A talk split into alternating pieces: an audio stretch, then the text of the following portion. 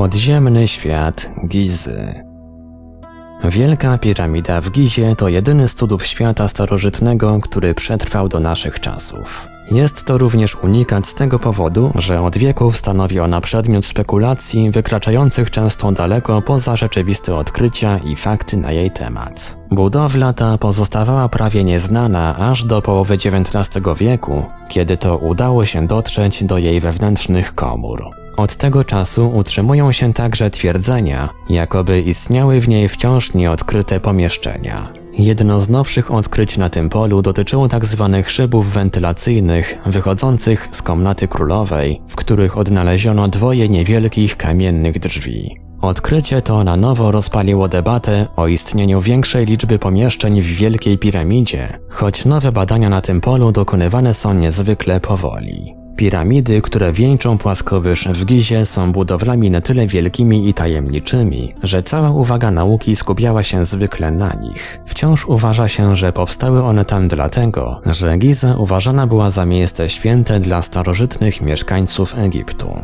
Oznacza to, że musiało istnieć coś, co nadawało temu miejscu święty charakter. Tym czymś mógł być sam charakter płaskowyżu z siecią naturalnych jaskiń, które są typowe dla wapiennych formacji. Tematyka podziemnej części Gizy zawdzięcza najwięcej jednemu człowiekowi, jasnowidzowi Edgarowi Case. W latach dwudziestych ubiegłego wieku amerykański wizjoner mówił o tak zwanej komnacie zapisków kryjącej się w pobliżu Sfinksa, która miała według niego zawierać informacje na temat zaginionej cywilizacji Atlantów. Od tej pory na temat jego proroctw napisano dziesiątki książek, a mimo to komnaty, o której mowa, nie udało się odkryć nikomu. Mimo tak nadprzyrodzonych początków, sprawa podziemnej części Gizy zaczyna powoli odsłaniać nam swe tajemnice, które sugerują, że to, co się tam znajduje, może być nie mniej ciekawe niż to, co widzimy na jej powierzchni. W 1998 roku egipskie władze ogłosiły istnienie tzw. Tak grobowca Ozyrysa, zlokalizowanego w Gizie. Bóg ten był panem egipskiego świata zmarłych, zaś owa wykuta w skale struktura, przypominająca formą grobowiec, wskazuje, że starożytni głęboko pod powierzchnią ziemi tworzyli siedziby dla swych zmarłych. Niestety, dolne partie obiektu są obecnie niedostępne z racji zalegających tam wód podziemnych wiążących się z przepływającym w pobliżu Nilem. Niemniej jednak mało kto wie, że grób Ozyrysa został odkryty już w okresie 1933-34 przez doktora Selima Hassana. Mówił on, że grobowiec datowany jest na okres przed 600 rokiem przed naszą erą i jest najbardziej niezwykłym przykładem tego rodzaju tworu. Zauważa on, że pierwsza komora prowadzi do następnej, w której znajduje się siedem nisz, z których każda zawiera bazaltowy sarkofag, z których dwa były wyraźnie większe niż pozostałe. Jednakże wydarzenie z 1998 roku wpisało się w tradycję niektórych oświadczeń o wielkich odkryciach dokonanych w Egipcie, okazując się być fałszywe, bowiem do tej pory zachowały się tylko dwa sarkofagi, zaś to, co stało się z pozostałymi pięcioma, pozostało bez odpowiedzi. Już w 1934 roku trzecia komora pozostawała pod wodą, jednakże mimo to udało się doktorowi Hassanowi ujrzeć dodatkowe sarkofagi. Starał się on oczyścić pomieszczenie, jednak mimo wytężonej pracy polegającej na wypompowywaniu wody, rezultat wciąż był ten sam. To tylko jedna z kilku znanych podziemnych struktur. Mniej wiadomo o tym, że jedna z części Wielkiej Piramidy zbudowana została na naturalnej szczelinie nazwanej grotą, której znaczenie pozostaje nieznane. Często opisywana jest jako niezwykły element, zawierający duży granitowy blok, który nie wiadomo do końca jak się tam dostał. W roku 2006 grupa kierowana przez Abbasa Mohameda Abbasa z Narodowego Instytutu Badań Astronomicznych i Geofizycznych wykonała zakrojone na szeroką skalę badania georadarowe w różnych częściach płaskowyżu, odkrywając otwory znajdujące się w pokrywie skalnej, z których część znajdowała się na głębokości nawet około 25 metrów i wśród których znajdowało się kilka tuneli o szerokości około 3 do 5 metrów. W swym raporcie Abbas snuje spekulacje, że poszczególne pieczary i tunele mogą się ze sobą łączyć, a nawet prowadzić do wciąż nieznanych, cennych grobowców. Cytując, Wyniki badań wspierają możliwość mówiącą o istnieniu nieznanych dotąd pozostałości o dużej wartości. Ostatecznie raport grupy Abasa mówi Możemy założyć istnienie niezwykłej różnorodności struktur archeologicznych na płaskowyżu, które pozostają nadal nieznane. W sierpniu 2009 roku brytyjski pisarz Andrew Collins wraz z badaczem Nigelem Skinner Simpsonem ogłosił o dokonaniu znacznego odkrycia na płaskowyżu Giza. Chodziło o system jaskiń badanych przez Henry'ego Salta i Giovanniego Caviglie w 1817 roku. Salt, brytyjski konsul generalny w Egipcie, wraz z włoskim badaczem i kapitanem marynarki Cavillon, wszedł do nieznanych im katakumb w Gizie znajdujących się gdzieś na zachód od piramid. Mimo to o ich istnieniu wkrótce zapomniano. Gdy w 2007 roku opublikowano wspomnienia Salta, Collins i Skinner Simpson uświadomili sobie, że znajduje się w nich szczegółowy opis eksploracji owych katakumb. XIX-wieczni odkrywcy przemierzyli najwyraźniej kilkaset yardów tej struktury, napotykając następnie na przestronne pomieszczenie, które łączyło się z trzema innymi o podobnym rozmiarze, od których rozchodził się labirynt korytarzy. Kawilia podążał jednym z nich przez dalsze kilkadziesiąt metrów, jednakże zrezygnował. Obu panów zniechęcał przede wszystkim fakt, że nie natknęli się tam na nic wartościowego, nie mówiąc już o złocie czy skarbach, na które chorowało większość badaczy piramid. 3 marca 2008 roku Collins, jego żona oraz Skinner Simpson wyruszyli do Egiptu, otrzymując wsparcie fundacji ARS USA. Po dokonanych tam poszukiwaniach udało im się natrafić na niewielką skalną szczelinę, która prowadziła do naturalnej komory, która łączyła się z inną salą oraz z długim korytarzem. Mówiąc krótko, cała trójka uświadomiła sobie, że struktura, na którą natrafili, wyglądała podobnie do tej opisanej na początku XIX wieku. Nikt ponoć nie zna ostatecznego rozmiaru jaskiń. Jak było powiedziane, Salt i Cavilla przemierzyli tylko niewielki odcinek, zaś Collins nie był w stanie zainteresować egipskich władz swoim odkryciem. Jeśli ciągną się one jednak dalej od najdalszego punktu, do którego dotarto, to najprawdopodobniej skręcają ku piramidzie Hefrena. Collins dowiedział się od mieszkającego w pobliżu strażnika, że system korytarzy ciągnie się przez wiele kilometrów. Według legend ma nawiedzać go także gigantyczny, legendarny wąż zwany El Hanash, co sprawiło, że on sam nigdy tam nie wchodził. Wydawało się, że była to pogłoska bazująca na niesprawdzonych przez nikogo informacjach. Mimo to, do czasów średniowiecznych utrzymywała się wiara w to, że jedna z piramid stanowi grób Agatodaimona, gnostyckiego boga w formie węża, który według wierzeń spoczywać miał pod płaskowyżem w Gizie. W odpowiedzi na słowa Collinsa, przewodniczący Egipskiej Naczelnej Rady Starożytności, dr Zahi Hałas, stwierdził, że struktura ta była zbadana przez egiptologów. Jak mówił, historia ta pokazuje, w jaki sposób ludzie, którzy nie mają żadnej wiedzy na temat archeologii używają mediów i internetu do ogłaszania swoich odkryć. Gdy zobaczyłem w internecie tą historię, wiedziałem, że to nieprawda.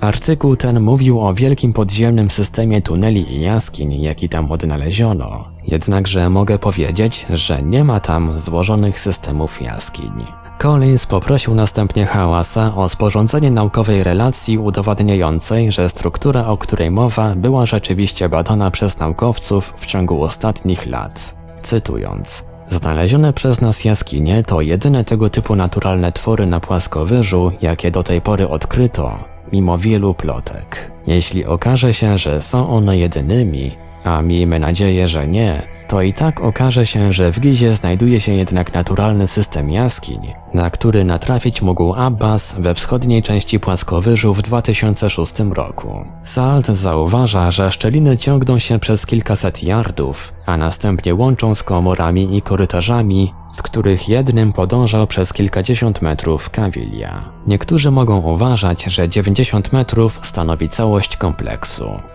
Nie udało nam się dotrzeć do końca, podobnie jak i Kawiliemu. Uważamy, że jaskinie rozciągają się dalej pod drugą piramidą, a te odkryte zostały przez Instytut Badawczy Stanforda podczas badań w 1977 roku. Czy odkrycie, o którym mowa powyżej, to tylko jeden z wielu sekretów, jakie skrywa Giza? Nawet sam Hałas, podczas odwiertów przeprowadzonych w pobliżu Sfinksa w 1980 roku, natknął się na czerwony granit na głębokości 15 metrów. Skała ta nie występuje naturalnie w Gizie, zaś jej źródłem był Asuan położony setki mil na południe. Obecność czerwonego granitu na takiej głębokości udowadnia, że pod powierzchnią kryć się może struktura wykonana ręką człowieka. Collins w swej wydanej niedawno książce pisze, że udało mu się zidentyfikować kolejne wejście do podziemnego świata pod Gizą, które mieści się prawdopodobnie w studni w pobliżu cmentarza Nasret El Saman w Gebel Gibli. Cmentarz ten znajduje się poza zasięgiem większości jako święte miejsce, co czyni prawie niemożliwymi jakiekolwiek naukowe wyprawy. Znajdująca się tam studnia łączona jest z postacią świętego człowieka o imieniu Hamid el-Saman, o którym niewiele wiadomo. Jednak według Collinsa postać ta łączyć mogła się z sufickim mistrzem Dulnunem al-Misrim, żyjącym w latach 759 do 859, który, jak wiadomo, zmarł w Gizie. Urodzony w Akmin w centralnym Egipcie al-Misri, interesował się także Hermesem Trismegistusem, hermetycznym bóstwem powstałym z połączenia greckiego boga Hermesa i egipskiego Tota. W swej nowej książce Collins odnosi się również do kwestii Casey'ego i jego słów o komnacie zapisków, stwierdzając, że słynny jasnowic mylił czasem to, co materialne z niematerialnym i tak naprawdę nie do końca jasne jest, co miał na myśli. Na wiele setek lat przed wzniesieniem Wielkiej Piramidy jaskinie uznawane były za miejsca kultu Matki Ziemi, w których przeprowadzono ceremonie religijne i gdzie tworzono naskalne malowidła. Spoglądając nawet na wnętrza piramid z ich wąskimi przejściami i ciągnącymi się ciasnymi korytarzami prowadzącymi do niewielkich sal, możemy odnieść wrażenie, że mamy do czynienia ze skomplikowanymi ludzkimi wersjami systemów jaskiń. Sama starożytna nazwa Gizy wskazuje, że była ona ściśle związana ze światem podziemnym. Słowo rozstał oznaczać może wejście do krętych korytarzy. Nie jest więc zaskoczeniem, że dr Selim Hassan doszedł do wniosku, że fizyczna reprezentacja Duat egipskiego świata podziemi lokowana jest pod płaskowyżem Giza. Collins twierdzi, że opierając się na pracach astronoma doktora Ronalda Wellsa i egiptolożki dr Amandy Olis Maravelia, doszedł do wniosku, że starożytni Egipcjanie w epoce budowy piramid uważali gwiazdozbiór łabędzia za kosmiczne łono bogini Nut, którą utożsamiali z drogą mleczną. Twierdzą oni, że Duat symbolizowało ciało Nut, zaś jaskinie w Gizie mogły być uważane za coś w rodzaju kosmicznego łona. Idąc tym śladem dochodzimy do wniosku, że Daneb, najjaśniejsza gwiazda łabędzia, oznaczała wejście lub wyjście z Duat. Collins twierdzi, że podobnego wejścia do Duat Egipcjanie upatrywać mogli w Gizie. W Gizie odnajdujemy także tzw. Tak grobowiec Campbella. Tajemniczy szyb zatopiony w płaskowyżu często jest omijany, ponieważ jego cel określany jest jako co najmniej nieznany. W ostatnim czasie zwrócono na niego uwagę z racji tego, że jego boki wykazują taką samą charakterystykę erozji, co okładzina Sfinksa. Zgodnie z opinią niektórych geologów, takich jak dr Robert Schock, dane te wskazują, że Sfinks jest znacznie starszy niż się oficjalnie podaje. Francuski dziennikarz Antoine Gigal zwraca uwagę na pogląd wyrażony przez dwóch belgijskich badaczy, Gaja Muniego i Gaja Grossa, którzy twierdzą, że struktura ta mogła być wykorzystywana do podnoszenia lub obniżania platformy, która związana była z podziemnym systemem kanałów przebiegających pod płaskowyżem. Sugeruje to, że starożytni mieli zaawansowaną wiedzę na temat hydrauliki, choć nie jest to zaskoczeniem, biorąc pod uwagę prace, jakie przeprowadzono za czasów faraona Amenemhata w Fayum w latach 1991 do 1962 przed naszą erą. Inny belgijski badacz, Gerd van der Krie, zauważył, że ślady erozji w grobowcu Campbella zdają się wynikać z obecności obecności wody stojącej wewnątrz struktury, nie zaś spływającej po nim jak w przypadku Sfinksa. Wiedząc, że starożytni wierzyli, iż podróże w krainę Duat odbywają się łodzią, zaś w Księdze Umarłych odnajdujemy łodzie poruszające się po kanałach podziemnego świata, fizyczna reprezentacja Duat leżąca pod płaskowyżem Giza mogła posiadać podziemny system kanałów. Grobowiec Campbella może być jedną z enigmatycznych struktur, którą da się łatwo wyjaśnić w ramach nowej teorii mówiącej, że to, co znajduje się nad powierzchnią Ziemi w Gizie, może być nie mniej interesujące niż to, co jest pod ziemią. Autor Philip Coppens. www.philipcoppens.com Tłumaczenie i opracowanie Portal Infra. www.infra.org.pl Czytał Ivelios